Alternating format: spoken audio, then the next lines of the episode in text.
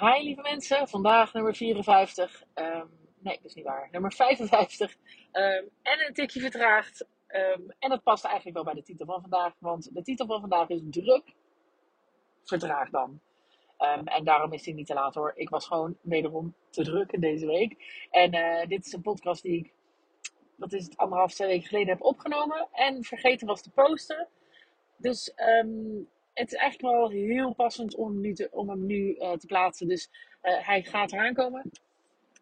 En uh, daar gaat het ook inderdaad echt over, over de drukte. Ik vertel over um, nou ja, wat mijn week zo'n beetje inhoudt en wat ik dan doe. En ik heb toevallig mijn eigen advies gisteren ook weer um, eigenlijk opgevolgd.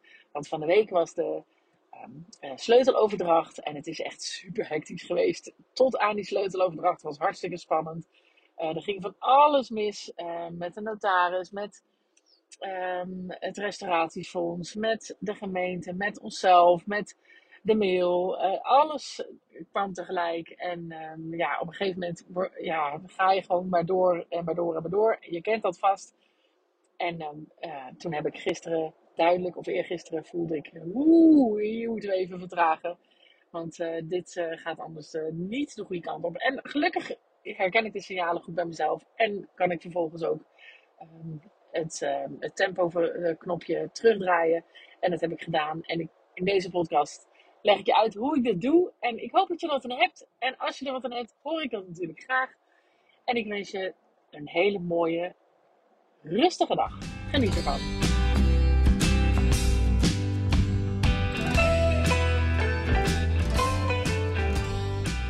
Vandaag wil ik heel graag met jullie iets delen over uh, uh, mijn, nou niet per se over mijn drukte, maar wel wat je kan doen met je drukte.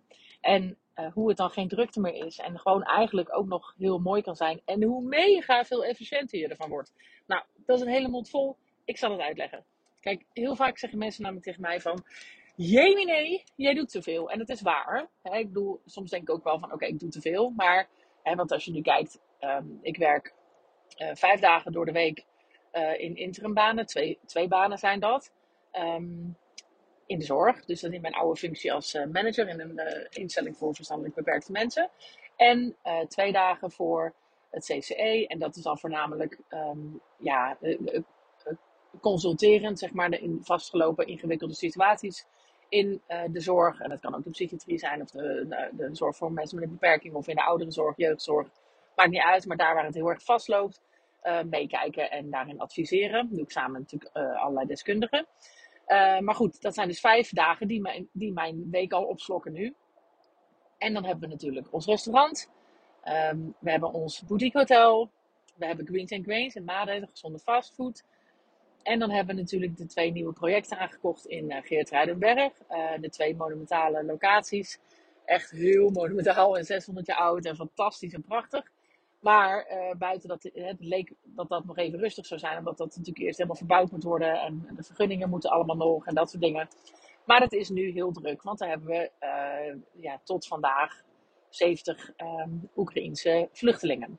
Nou, straks gaat er een groep van 30 weer, weer door naar Groningen. Een hele ingewikkelde groep overigens.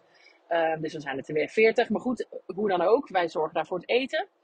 Um, en we hebben daar hulp van een groep vrijwilligers die ons uh, daarin uh, ondersteunen, ook met het eten. Um, en ja, we lopen ontzettend aan natuurlijk tegen alle dingen die we dan aantreffen. Onze vrijwilligers vooral. Um, dus er moet ook heel veel afgestemd worden met, uh, met de gemeente daarin. Nou, dat is natuurlijk veel. En dan hebben we natuurlijk nog drie tienerkinderen. Of nou, 20, 16 en 14. dus het is vol en veel. En toch is het haalbaar. En um, heb ik inderdaad, is het op dit moment wel heel veel.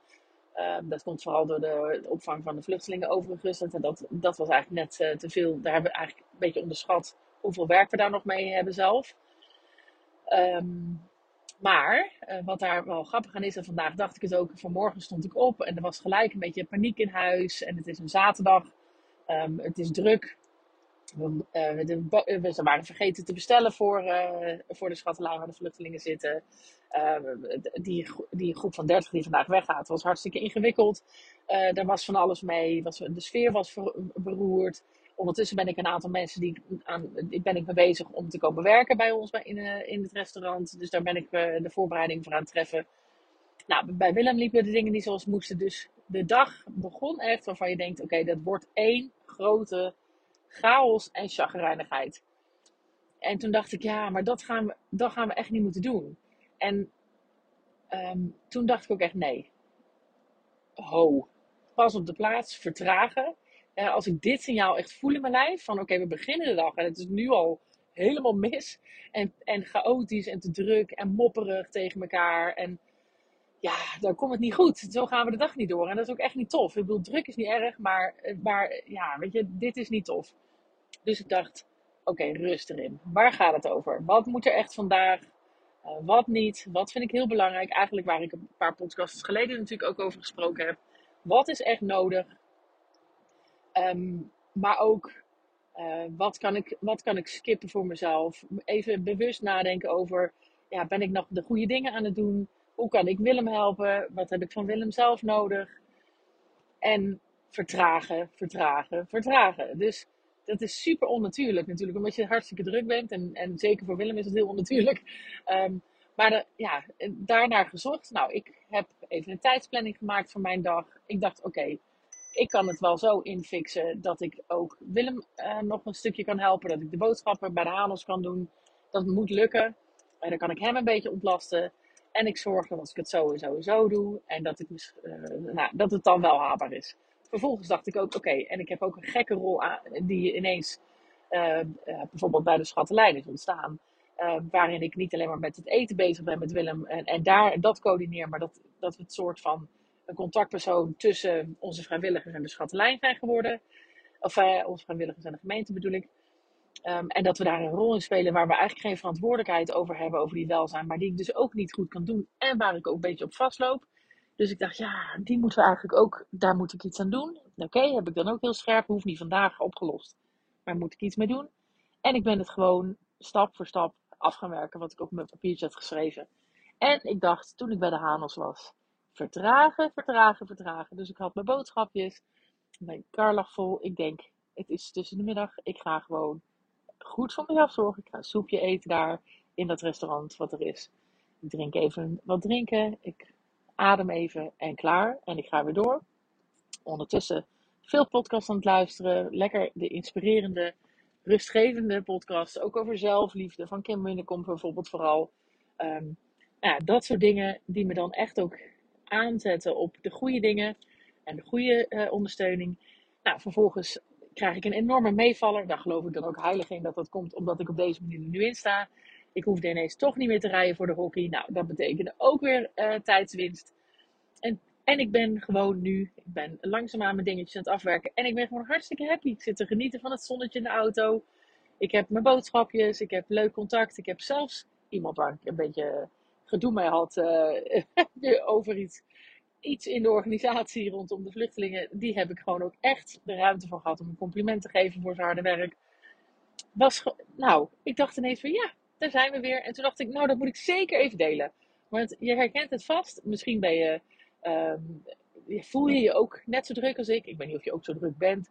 Maar dat maakt helemaal niet uit. Want als je je druk voelt, dan heb je het druk. Uh, maar ik denk op het moment dat je dat voelt en je gaat proberen inderdaad die vertraging erin te brengen. Uh, je gaat die prioriteiten weer even stellen, die ik dus inderdaad een paar podcasts geleden ook al zeg. Dus echt kijken, wat is het allerbelangrijkste van vandaag? Het ene, het ene focuspunt van de dag die, die ik echt wil bereiken. En dat is bij mij dus uh, rust en orde, was dat vandaag. En dan de drie belangrijkste elementen om echt gedaan te hebben. Nou, dat was bij mij dan de boodschappen, um, het werk organiseren voor de vluchtelingen en onze vrijwilligers spreken. Dat zijn mijn belangrijkste focuspunten voor vandaag. En daar kan ik de dag mee door. En ik ben rustig en ik geniet ondertussen van de reis. Ook al heb ik het stervensdruk. Nou, wie weet heb je er iets aan. En zo ja, hoor ik het natuurlijk super graag. hey, nou, geniet van je dag, net als ik. En tot gauw weer.